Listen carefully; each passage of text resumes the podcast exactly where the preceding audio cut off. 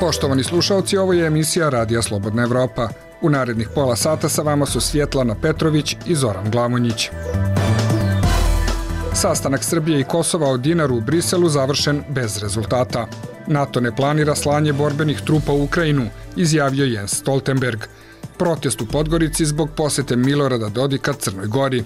Obeležena 31. godišnjica ratnog zločina u Štrpcima. Uhapšeni predsednik Vojnog sindikata Srbije Novica Antić počeo štrajk glađu. U nastavku emisije čućete i da je nevladina organizacija da se zna najavila krivične prijave protiv policije u slučaju prebijanja LGBT osoba u Beogradu. Očekujemo da slušanja, da budu saslušani i oni koji su doživjeli tu torturu i ti policajci, dakle pa ćemo vidjeti kako će postupak teći. Kao i analizu Atlantske inicijative o ekstremno desničarskim organizacijama na Zapadnom Balkanu. Snaga narativa krajnje desnice dijelom zavisi od online platformi putem kojih se šire, među kojima su najpopularnije Facebook, Instagram, Twitter, Telegram, TikTok, YouTube i Viber. Ovo je regionalni program Radija Slobodna Evropa. Slušajte nas svaki dan u 18 i 22 sata. Bez konkretnih rezultata završen je susret delegacija Srbije i Kosova u Briselu gde se raspravljalo o odluci kojom se ukida korišćenje srpskog dinara na Kosovu.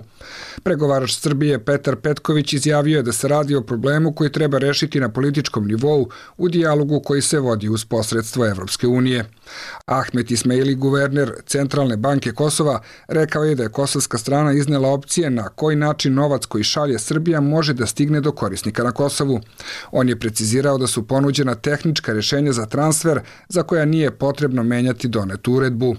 Evropski zaslanik za dijalog Miroslav Lajčak saopštio je da će biti potrebni dodatni sastanci jer mnoga politička pitanja ostaju bez odgovora.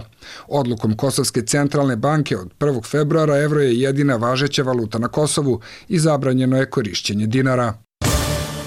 Evropski komesar za proširenje Oliver Varhelji i predsednik Crne Gore Jakov Milatović poručili su iz Podgorice da Crna Gora mora da iskoristi šansu da ubrza evropski put.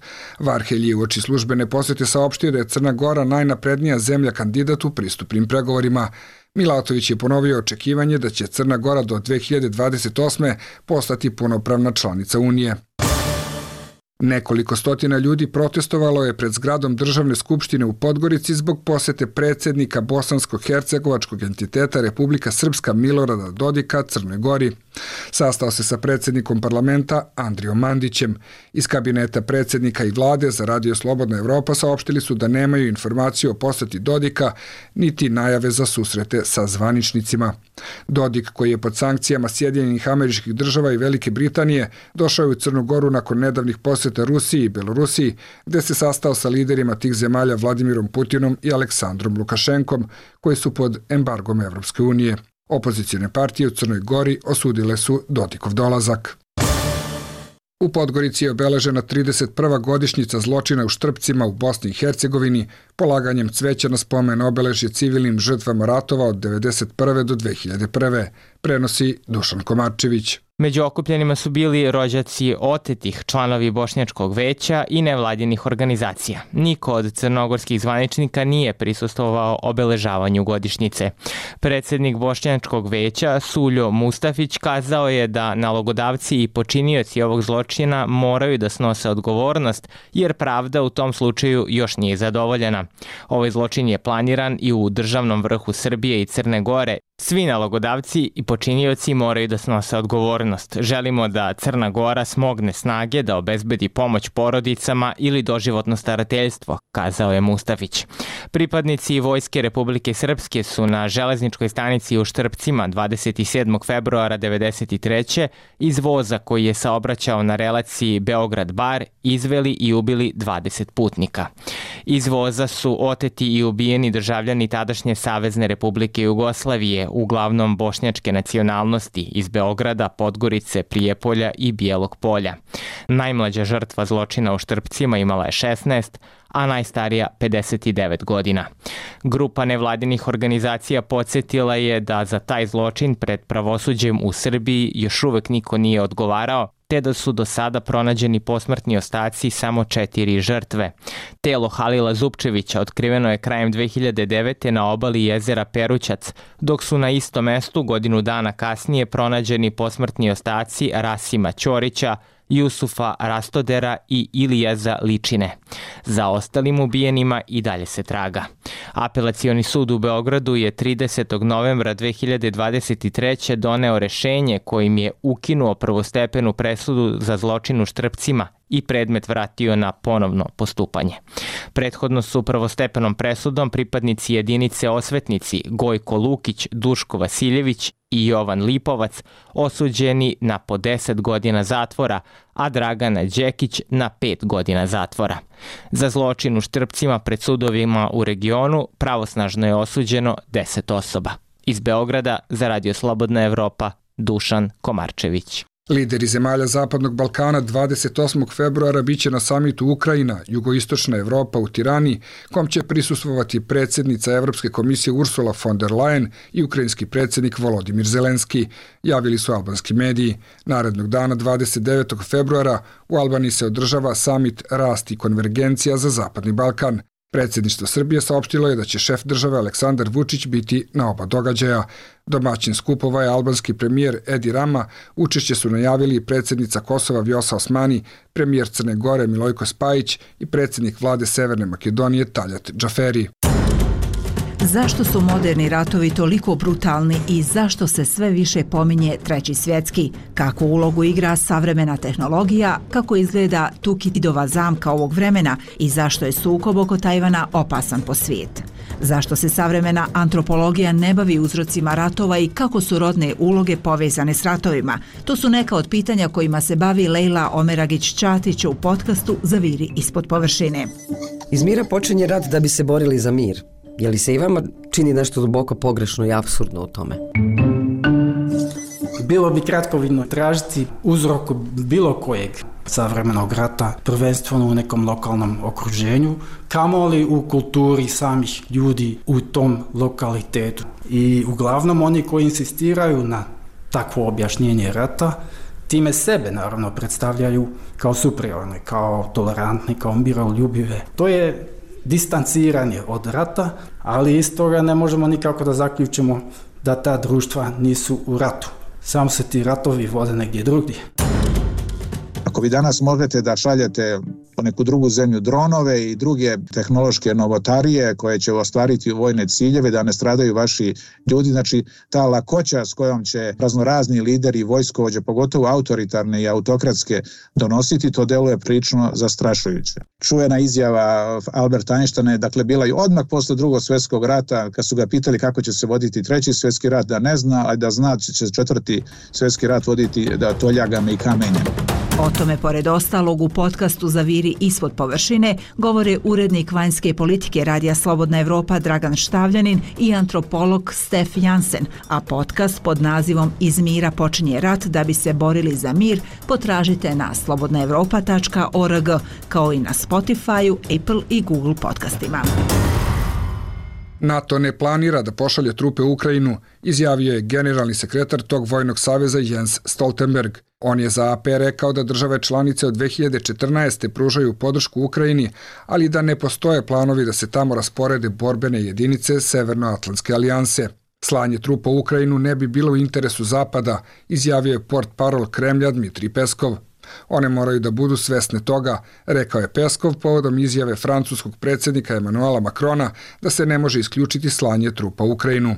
Vojska Izraela ubila je Muhameda Dargameha, komandanta palestinskog islamskog džihada u Tubasu na okupiranoj zapadnoj obali, javili su palestinski mediji. Vojno krilo islamskog džihada potvrdilo je da su ubijeni članovi te ekstremističke organizacije, preneo je AP.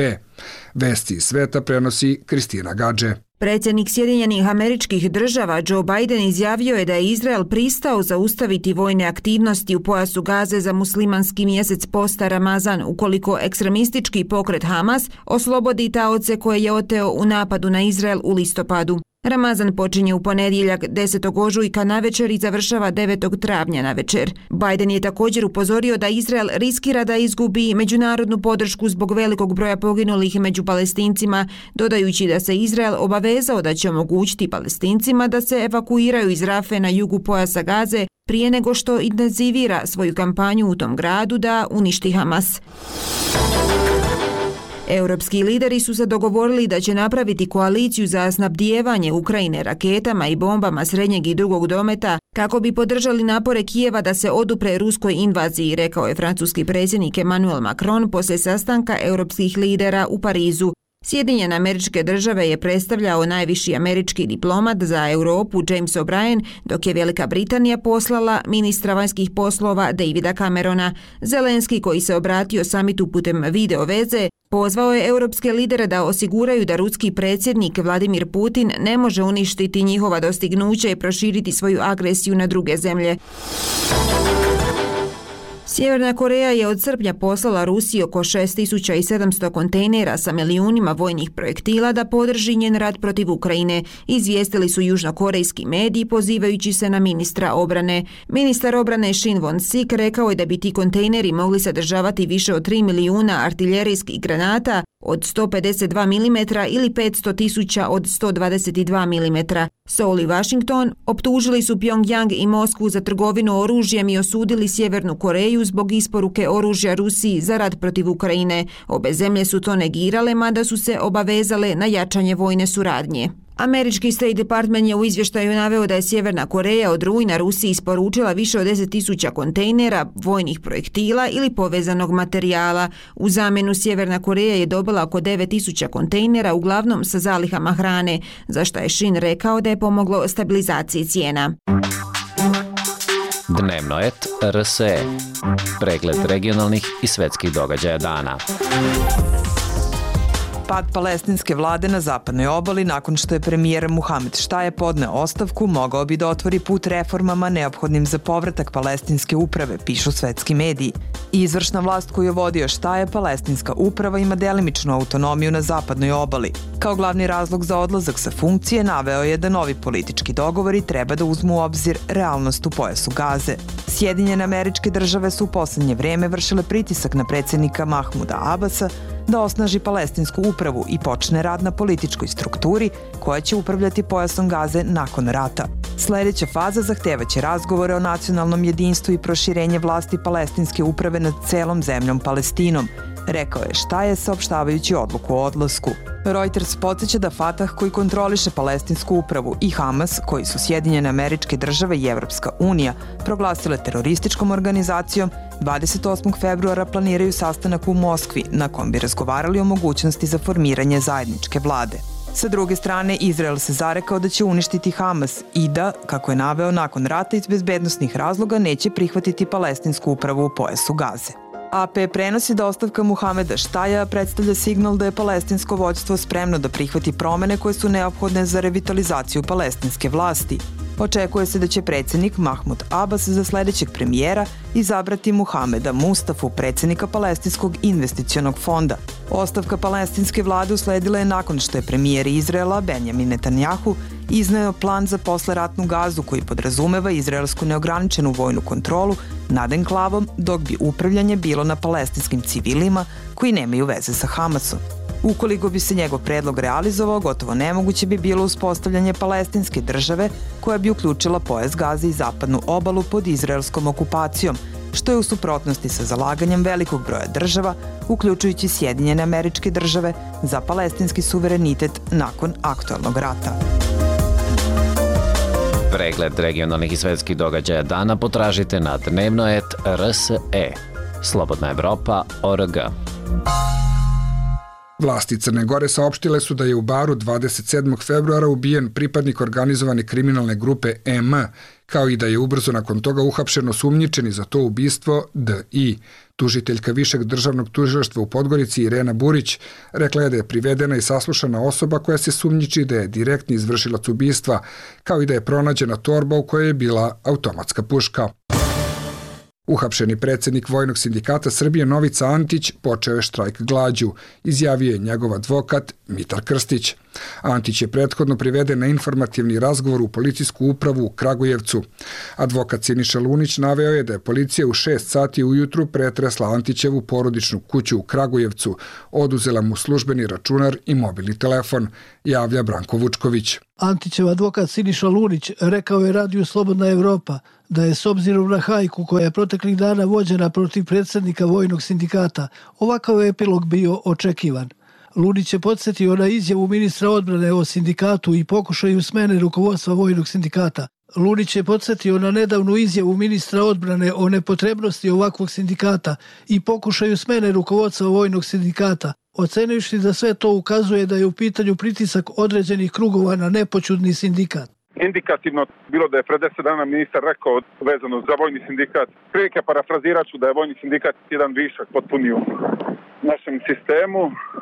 Tako da mislim da ta izjava bila neprimerena, ali sa tom izjavom paralelno su išle i druge stvari koje se dešavale unutar vojnog sindikata, to je pre svega pokušaj da se na vanrednoj skupštini dođe do smene postojećeg rukovodstva.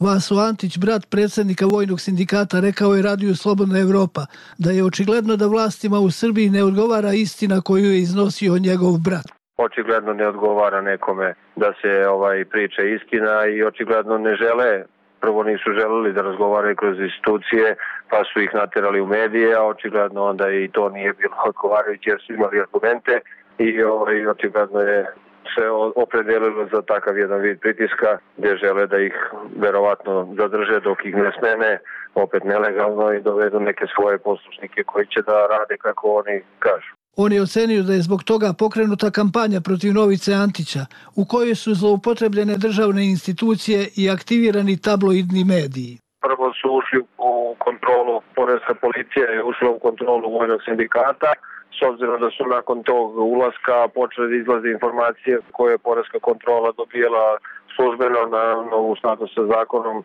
dokumentaciju, oni su to zloupotrebili, plasirali u medije. I advokat Lunić ocenjuje da je to očigledno, tim pre što mediji objavljuju dokumenta o poslovanju vojnog sindikata, koji su i odbrani za sada nepoznati. Mislim, još nemamo nikakve informacije, vidim da su medijima pojavljuju razne informacije, a verujte mi da ja kao advokat to prvi put vidim. Ne znam odakle te informacije u medijima. Radio Slobodna Evropa, Branko Vučković. Zanima vas što se dešava u regiji? Sve možete naći na slobodnaevropa.org. Nadležno tužilaštvo postupa po pritužbi na rad policajaca koju je podnela Organizacija za zaštitu LGBT prava, saopštilo je Ministarstvo unutrašnjih poslova Srbije po tvrdnji nevladinog udruženja da se zna da su nezakonito primenili silu prilikom intervencije u Beogradu, prenosi Iva Gajić. Iz MUPA je rečeno da će policajci, ukoliko se ustanovi da su prekoračili ovlašćenja, biti sankcionisani u skladu sa zakonom. Njihov odgovor je usledio nakon što je organizacija Da se zna saopštila da su policajci tokom pretresa jednog stana pretukli i ponižavali dve LGBT osobe u Beogradu.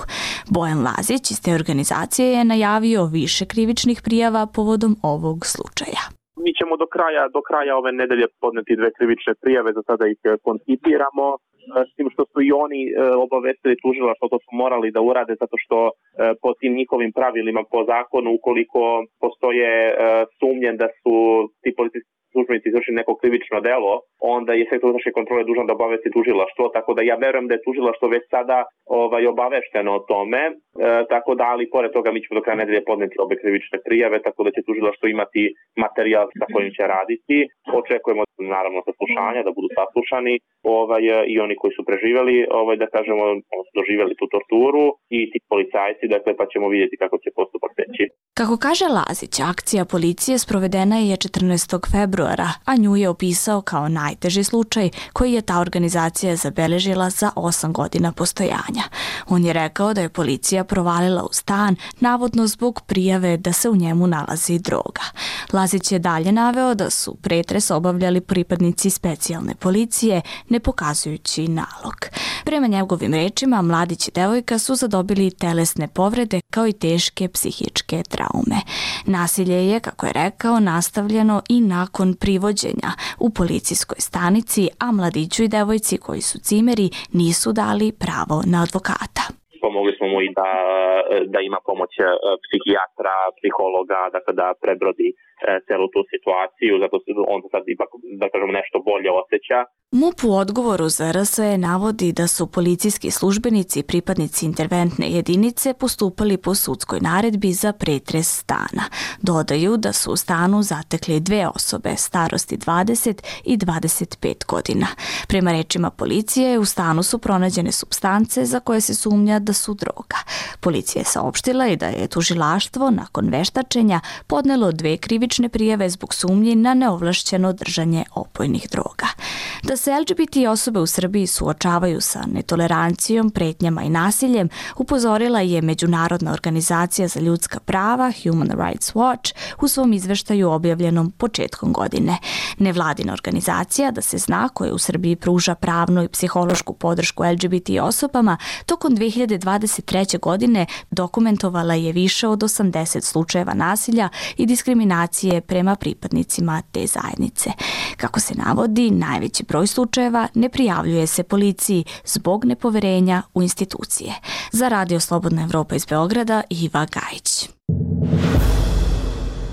Odgovore na pitanja koje internet platforme koriste ekstremne desničarske organizacije u Bosni i Hercegovini, Hrvatskoj, Srbiji, Crnoj Gori i ko su im najčešće mete, dala je analiza nevladine organizacije Atlantska inicijativa. Sa autorkom istraživanja Neirom Veljan razgovarao je Ermin Zatega. Deset istraživača je tokom deset mjeseci na društvenim mrežama identifikovalo 340 ekstremnih desničarskih platformi i grupa, uglavnom etnonacionalističkih. Od toga je 176 pro-srpskih, 78 pro-bošnjačkih, 60 pro-hrvatskih i 26 pro-crnogorskih. Oko trećine tih grupa promoviše neonacizam, Ovo navodi Neira Veljan koja je u Velikoj Britaniji doktorirala istražujući rodno zasnovane zločine, radikalizaciju, nasilni ekstremizam te međunarodne odnose i geopolitiku. Nalazi su pokazali da su desničarske grupe vrlo prilagodljive te prilično vješte u manipuliranju digitalnim platformama kako bi doprli do ranjivih korisnika i maksimizirali efekt i doseg svojih ksenofobnih narativa. One vješto koriste narative viktimizacije kako bi izazvale osjećaj nepravde ili nezadovoljstva među ljudima i bili što uspješniji u revidiranju istorije i promoviranju etnonacionalizma. Ove grupe često veličaju ratne zločince i svoje grupe, a negiraju zločine koje su počinili. Srpske etnonacionalističke grupe su postale pouzdani agenti Moskve, šireći propagandu i podržavajući ruski uticaj u regiji, dok istovremeno osporavaju legitimitet NATO-a i Evropske unije, stoji u istraživanju. Tako, većina prosrpskih ekstremističkih grupa djeluje kao posrednici proruskih i antizapadnih narativa, koji se uklapaju u širu matricu ruskih hibridnih aktivnosti u regiji. Radikalizirajući sadržaji odavno nadilaze državne granice, što izaziva sve veću transnacionalnu zabrinutost, kaže Veljan. Iako međusobno su prodstavljene, značajan broj tih grupa istovremeno ima iste ksenofobne narative uzmjerene protiv migracija, muslimana, feminizma, LGBTI plus zajednice, NATO-a i Europske unije. Snaga narativa krajnje desnice dijelom zavisi od online platformi putem kojih se šire, među kojima su najpopularnije Facebook, Instagram, Twitter, Telegram, TikTok, YouTube i Viber. Ove grupe vješto koriste jedinstvene formate svake od ovih platformi i strateški lokalizuju globalne narative sličnih grupa. Istraživanje je također otkrilo zanimljiv trend prema kojem neki korisnici pokazuju višestruke ličnosti na različitim platformama. Pritome,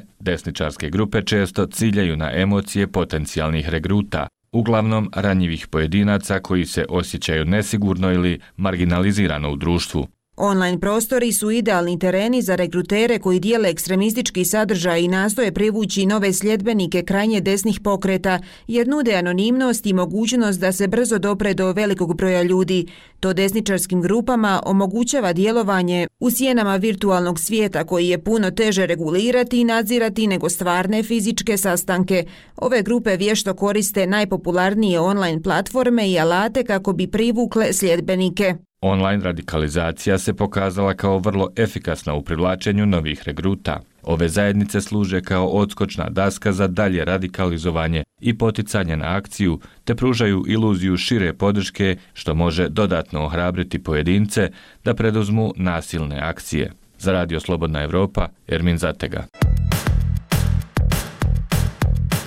Slike svakodnevnice šta muči ili inspiriše mlade kako prošle političke odluke utiču na našu budućnost. Ove i druge teme slušajte u podcastima Radija Slobodna Evropa.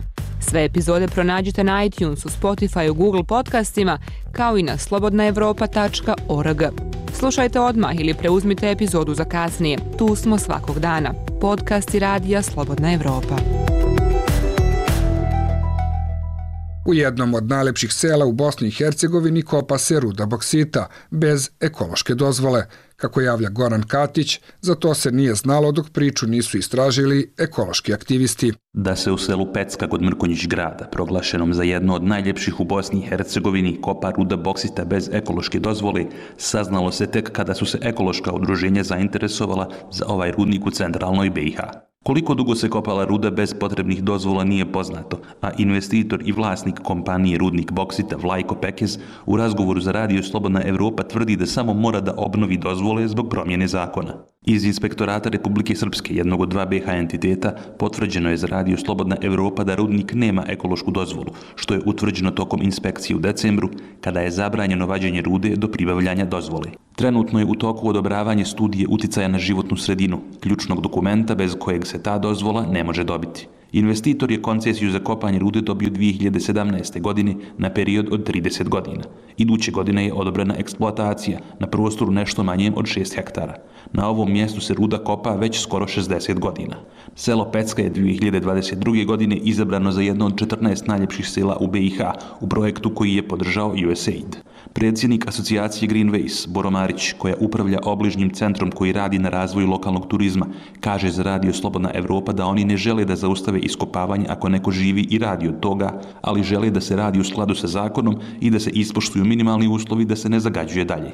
Ističe da su godinama posmatrali kop koji se nalazi uz put u selu, gledali boksitnu prašinu kako se širi i boksitno blato koje kamioni raznose po cesti. Pa nam je investitor obećao da će to uskoro riješiti i mi smo tu se nešto uljuljali, čekali, dvije godine je prošlo od tog obećanja i onda smo tražili e, od ministarstva ekološku dozvolu da pitamo zašto oni to rade i da li stoji u ekološkoj dozvolu da oni to mogu raditi. Na kraju se ispostavilo da uopšte nemaju ekološku dozvolu. Nakon toga, u dopisu nadležnim organima su tražili da investitor ispoštuje neophodnu zakonsku proceduru.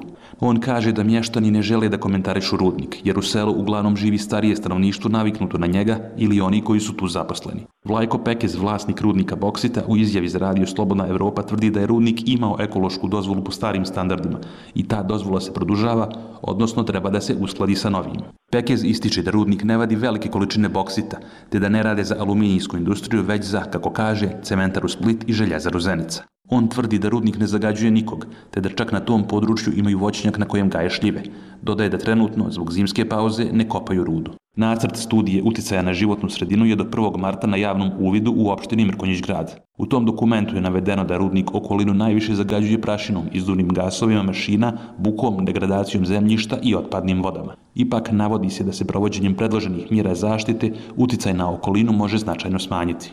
Predstavnici Banja Lučkog centra za životnu sredinu su prisustvovali javnoj raspravi i dali svoj komentar na nacrt studije. Dragan Ostić iz ovog centra ističe za Radio Slobodna Evropa da je na lokaciji potreban čest nadzor i izlazak rudarskih inspektora na teren. Dobar dio naših komentara ticao se upravo, upravo voda, potrebe da se vode sve više zaštite. Naš komentar se također ticali same buke koja je, gdje god se nalazi rudnik u bilo kakvom selu, narušava mir, koji je jedna od esencijalnih stvari zbog kojih ljudi žive u selima. Tiče se također i vazduha, tiče se također, naš komentar se tiču i same kontrole nad saobraćajnicama na koje izlaze ti kamion. Nešto više od 3 km od kopa nalazi se izvor rijeke Sane, koji je u oktobru 2021. godine zajedno sa okolinom proglašen za spomenik prirode. U nju se uliva rijačica Korana, samo 350 metara udaljena od rudnika.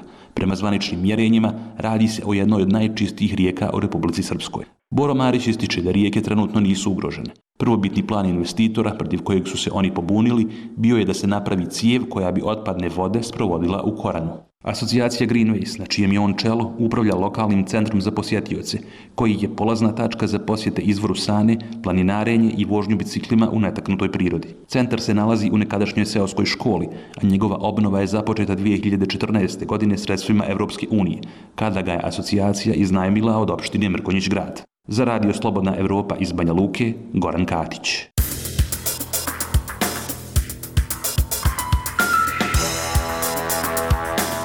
Poštovani slušalci, bilo je to sve u ovom programu Radija Slobodna Evropa koji su pripremili Svjetlana Petrović i Zoran Glavonjić. Do slušanja.